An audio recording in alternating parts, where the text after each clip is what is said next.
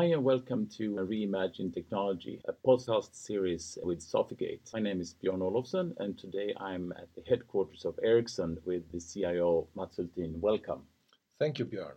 Great to be here. It's exciting to have you as a guest. Ericsson is really well-renowned company and it's been around for a while and it's going through some dramatic changes now with 5G and AI and all those things. We'll come into that in a little while. Sounds good. So many things happening here, so I'm excited as well. For the listeners, could you please describe your background and why you decided to invest your career into Ericsson? Good question. My background, it depends a bit on how far back we should go, but we'll take it reasonably short. My background was sort of after studies into the Swedish Air Force. So I was a reservist and I was actually in the Air Force dealing with a lot of technical communication between aircraft and command and control centers. From that, I guess some interest started even there in the areas we're talking to. I started then after that, I did my university studies in parallel with belonging to the Air Force. And then I started at Saab as an engineer, systems engineer. So I started working on the Gripen fighter aircraft system in the R&D department. Really good years, something that I haven't a clue about before I started, but I started working with escape system, parachutes, how the pilot works in the fighter aircraft, how we can save the pilot if the flight is going down with the ejection seats, canopy fracturing systems, oxygen suits, night vision goggles to make the pilot really working in that environment. I had some really, really good first years on my sort of career. Then through Saab, of course, Saab is at Ericsson, big company, a lot of opportunities, and I had a chance to test a lot of roles. So I was in R&D for many years. I moved over to aftermarket managed services, ran quite big transformations connected to when we sold the Gripen aircraft to South Africa. I was the head of a department who was heavily involved in ramping up in order to make that uh, delivery happen to South Africa.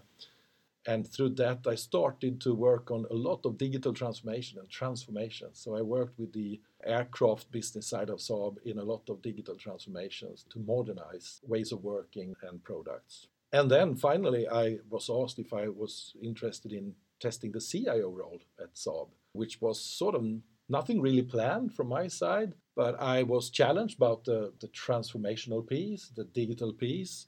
So I thought, yeah, why not? And to work over the whole of the Saab group and consolidating and working a lot with this. And I really enjoyed. But of course, after almost 10 years in that position, I thought it, yeah, I need to test something new wasn't really sure what that was about. I was approached by headhunters for different cases, and Ericsson really came out as, for me, it would be a great thing to have spent so much time with Saab, take one of the other Swedish iconic and even bigger, more global company from that perspective. And I'm really glad about that. I enjoy every day very much now. Was it scary initially? No, I wouldn't say that. I mean, I've been doing changes a lot. Of course, after more than almost 25 years, and actually 25 years at the same company, Saab. It's a big thing to change. I've been living in Linköping for most of my time. I was born in Motala, but living in Linköping quite a long time. So, of course, spending the whole weeks here in Stockholm, you might think, oh, that's a big change. But actually, even in my Saab time, I was quite a lot here up in Stockholm. So, no, I wouldn't say scare, uh, more curious and feeling really good about a new challenge from different perspective. Yeah, and what a great opportunity. It is. And Ericsson now is in a such interesting place in its history. And I think the future is really looking very positive. And that's for me very important pieces in my personal journey as well. When I was doing a little bit of reading on Ericsson, I think all the listeners have a view of Ericsson, of course, the networks, and now everybody thinking about 5G. But I was also reading about IoT, those kind of trends, and also with the uh, automation and AI. What's the value contribution that Ericsson has in this domain? On top of the 5G, of course. Oh, yeah, there's a lot to it. And of course, spending a lot of time in this business, you know that telecommunication is not plug in and everything is easy, simple. It's a lot of things behind the scenes. A lot of technology, a lot of integrations, a lot of software, hardware that need, really need to be optimized together to make this communication and collaboration experience really working. But of course, coming into Ericsson, you learn even more about how complex these things are and what kind of effort it is to really get these products and solutions out on the market. I'm really impressed about the Ericsson leadership team and, and of course Börje taking the leadership here. And he really, in a hard time for Ericsson, he's still there to sort of keep the very, very important investment that I think is so crucial for the 5G possibilities we see today and of course being so firm on that and now we see that could really bring completely new values to the whole of the world. That's so impressive i think. 5g is of course in the center of all the discussions and there are so many applications of 5g from the big telecommunication implementations to more private virtual networks in different setups supporting iot in factories autonomous cars or whatever and of course, Ericsson sees opportunities in all these areas. I think still we see our telecom customers being our most important partners and customers.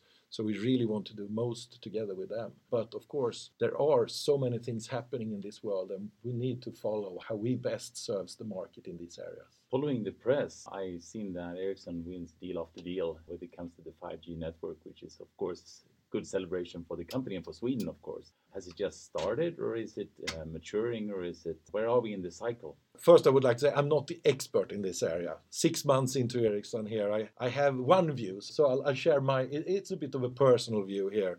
I think we only seen the start of things. I think Ericsson is well out there on the market. We really have a strong feeling that we are in the front of the technology and the solutions there is some sort of sayings around that if we don't see anything in front of us, we need to be quiet in the first place there. So I think we have a confident, we have a good solutions, but still there are so much more things to do to really make it the right performance, the right affordability, so all or everyone can afford to move over to 5G in these different applications. So there's a lot of challenges still to go and a lot of businesses to capture and markets to grow from our side.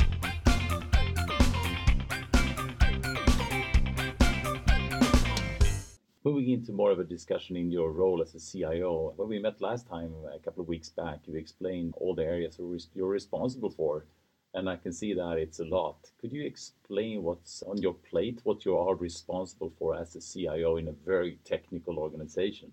Yeah, of course, that's always a challenge. Being a CIO, it's a challenging role because you are in one way, you are supporting everyone within the company, all the different departments. And usually, you have a quiet, insightful view of what everyone is doing and how it's connected. So I think one important thing as a CIO is to turn that insights into to good supporting decision material for the executive team of the company.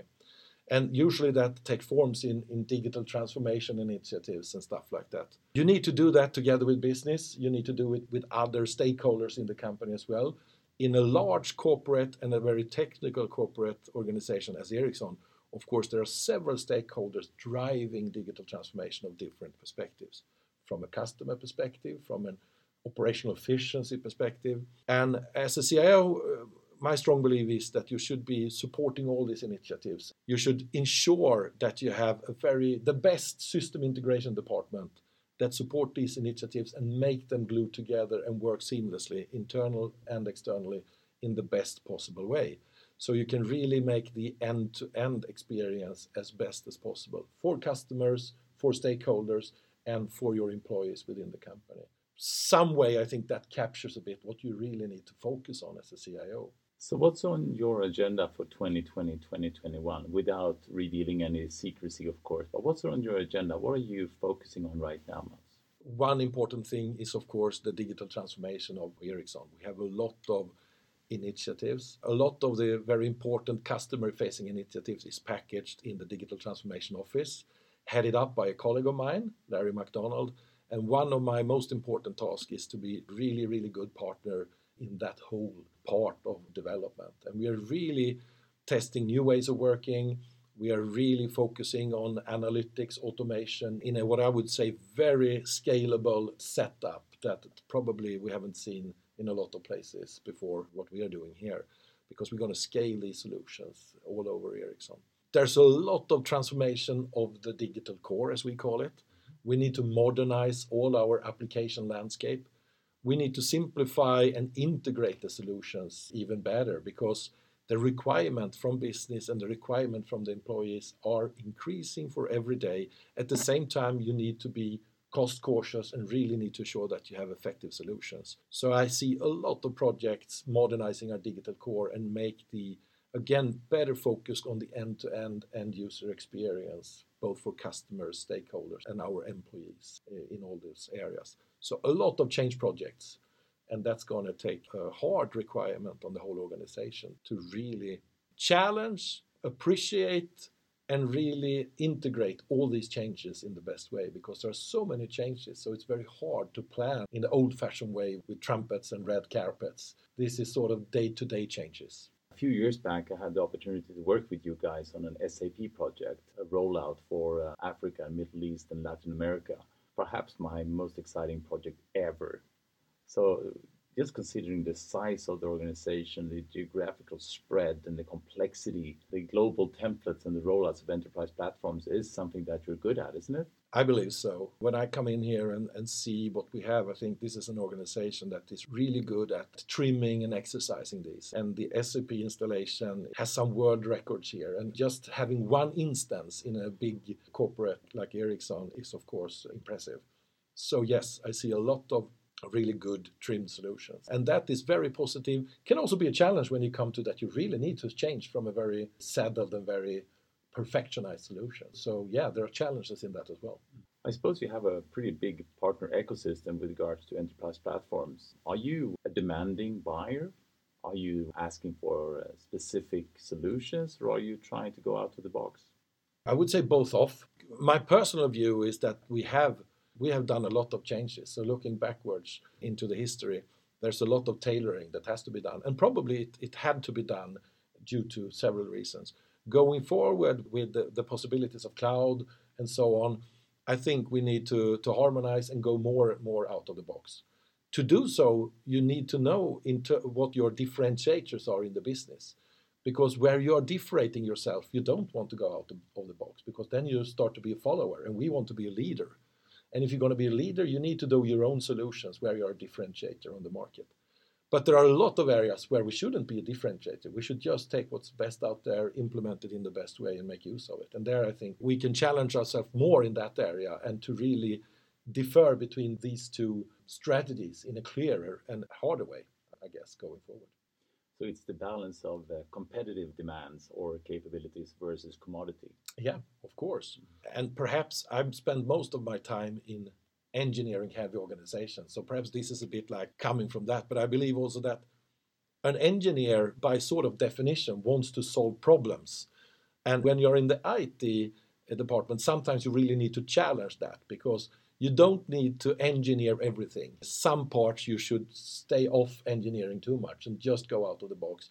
And of course, you need to perhaps work on that even more in the engineering heavy organization to really be clear on where you should go out of the box and how you can do that. Let's moving more to you as a person and as a leader. Working at Ericsson now and these exciting times, it sounds like a great opportunity, of course, uh, for yourself and for your team. What's your view on leadership and how do you build your teams? Oh, my view on leadership, good question. I think it's important for a leader to lead by example, to be transparent, to be open and integrated. I think you need to have a lot of energy if you're leading organization in huge change. And I think my leadership style fits better with a change minded organization because I have a lot of energy. I like to be part of a change. And I my lessons is be transparent, open, talk about it Sometimes it creates some fear in the organization. Be open and deal with that rather than try to keep it under the carpet because it, it will reveal itself. And it's better if you, as a leader, are the one talking about it. And usually, these changes you need to get into people's mind over time. It, it's nothing you do overnight, it's a step by step approach. So I think be open, transparent, full of energy, be quite firm on the things that are very important for the company don't sort of compromise on that but be also very open to how we can do the change to get people on board and talk with people around that. And I guess that's also a big challenge, especially in big organizations, because you can't personally talk with everyone. So the communication piece, how you do that in different channels. The omni channel is a bit of a hype word these days, but it's very important. You need to communicate on different channels. You need to communicate with your end users, the whole of Ericsson. You need to communicate with your direct reporters, and you need to communicate with your partners as well, your ecosystem. So communicate a lot, uh, be open, transparent. That for me is guiding stars.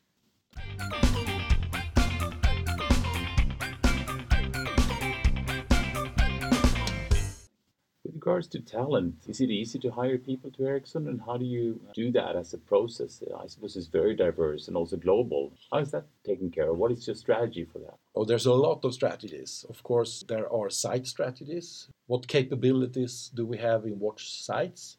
You need to sort of be quite clear on that. It's not easy to attract talents. I think Ericsson has a very strong brand, a good reputation. That makes it easier but still it's a tough, tough competition on the talents, especially in the IT area and especially in, in if you look into automation, analytics, and these things that are really growing fast now. So no, it's a tough game. You need to work on so many different levels. We are running recruitment projects. We are running a lot of reskilling programs within the company to really ensure that we, in the best possible way, take care of the good employees that we have. But we, we need to perhaps change profiles of some of them and really make it possible for them to really grow with the company going forward. So again, internal reskilling, talent acquisition, projects of recruiting. We work quite a lot with what something we call now strategic workforce planning to really look into how is the mix of competences is going to change looking five years ahead and how can we be better of understanding and driving that and not only be sort of standing with the result oh uh, this happened. No, really try to be on top of that. It's not easy, and again, it adds on to a lot of already changes that is going on. But I think it's a responsibility for us as leaders to to take on board, take care of our people we have, and show them that the future is changing, but we can change with it. Are you also connected in the startup community? I think I visited one of your centers in Silicon Valley outside San Francisco, and that was crazy. And there's so many interesting startups that was, you know, shape or form connected to Ericsson. What's the story about that? Is that inspiration, or is it co-funding, or are you doing projects together? What what's happening there? I guess you name the model, and we have it. There are so many different interactions. M&As is of course a big activity for Ericsson. It's sometimes to get the right technology company together. Sometimes it's about partnerships, joint go-to-market setups for different purposes. I see quite a lot of good interactions with startups and high-tech companies and especially what I've seen the last couple of years in especially a lot in the automation area where we've actually invested in companies and find really good partnership of supporting us there. But looking at it wider, of course, the IoT business, smart manufacturing, autonomous cars, there's so much things happening in those areas. So have using collaborations, innovation hubs, partner ecosystems. I think we are trying to use all of those setups for different purposes in different business cases and technology areas. Exciting times, Mats. It is indeed. So, for uh, other listeners and CIOs, considering your background at Saab and now at Ericsson, what's your advice? What is there to think about top three? From a CIO perspective, generally, hmm, to start with, this is something that I'm thinking quite a lot of if you take the corporate, the CEO view, what do you want the CIO to do and what do you want to do as a CIO? I think it's very important to take on board the integrating role within the company, the system integrating role. I think the CIO has always a good chance of knowing how things is pulled together within the organization. And I think you you need to, to take on board that role and that responsibility. Sometimes, like in a big corporation, it could seem like a huge mountain to climb to just getting your arms around what's happening. But for me, that's very important as a CIO. If you don't take on board that, you can really ask what role does then the CIO have? So I think the system integrator part of being a really good partner on how to drive the integration of the company going forward and the cross-functional collaboration around uh, with the technical ITPs in the center. And that could, of course, materialize itself in different ways, how you do it.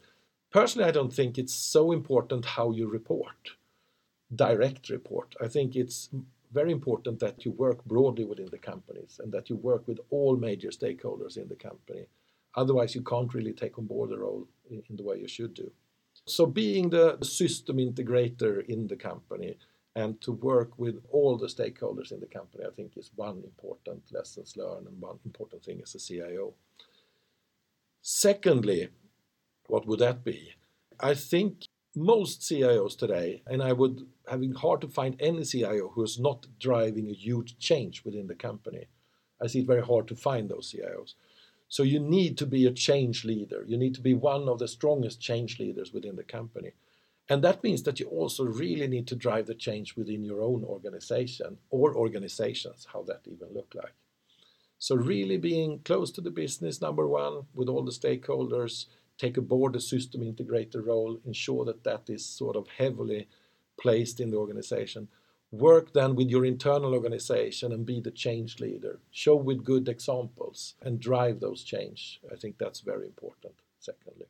And then number three, then, what would that be? I need to think a bit while I'm talking here. So I think perhaps number three, then, number one and two, very much about leadership, how you socialize, how you really work with your stakeholders and get into it, how you work with your internal organization and leadership. I think number three is that you also need to have a feeling for the technology.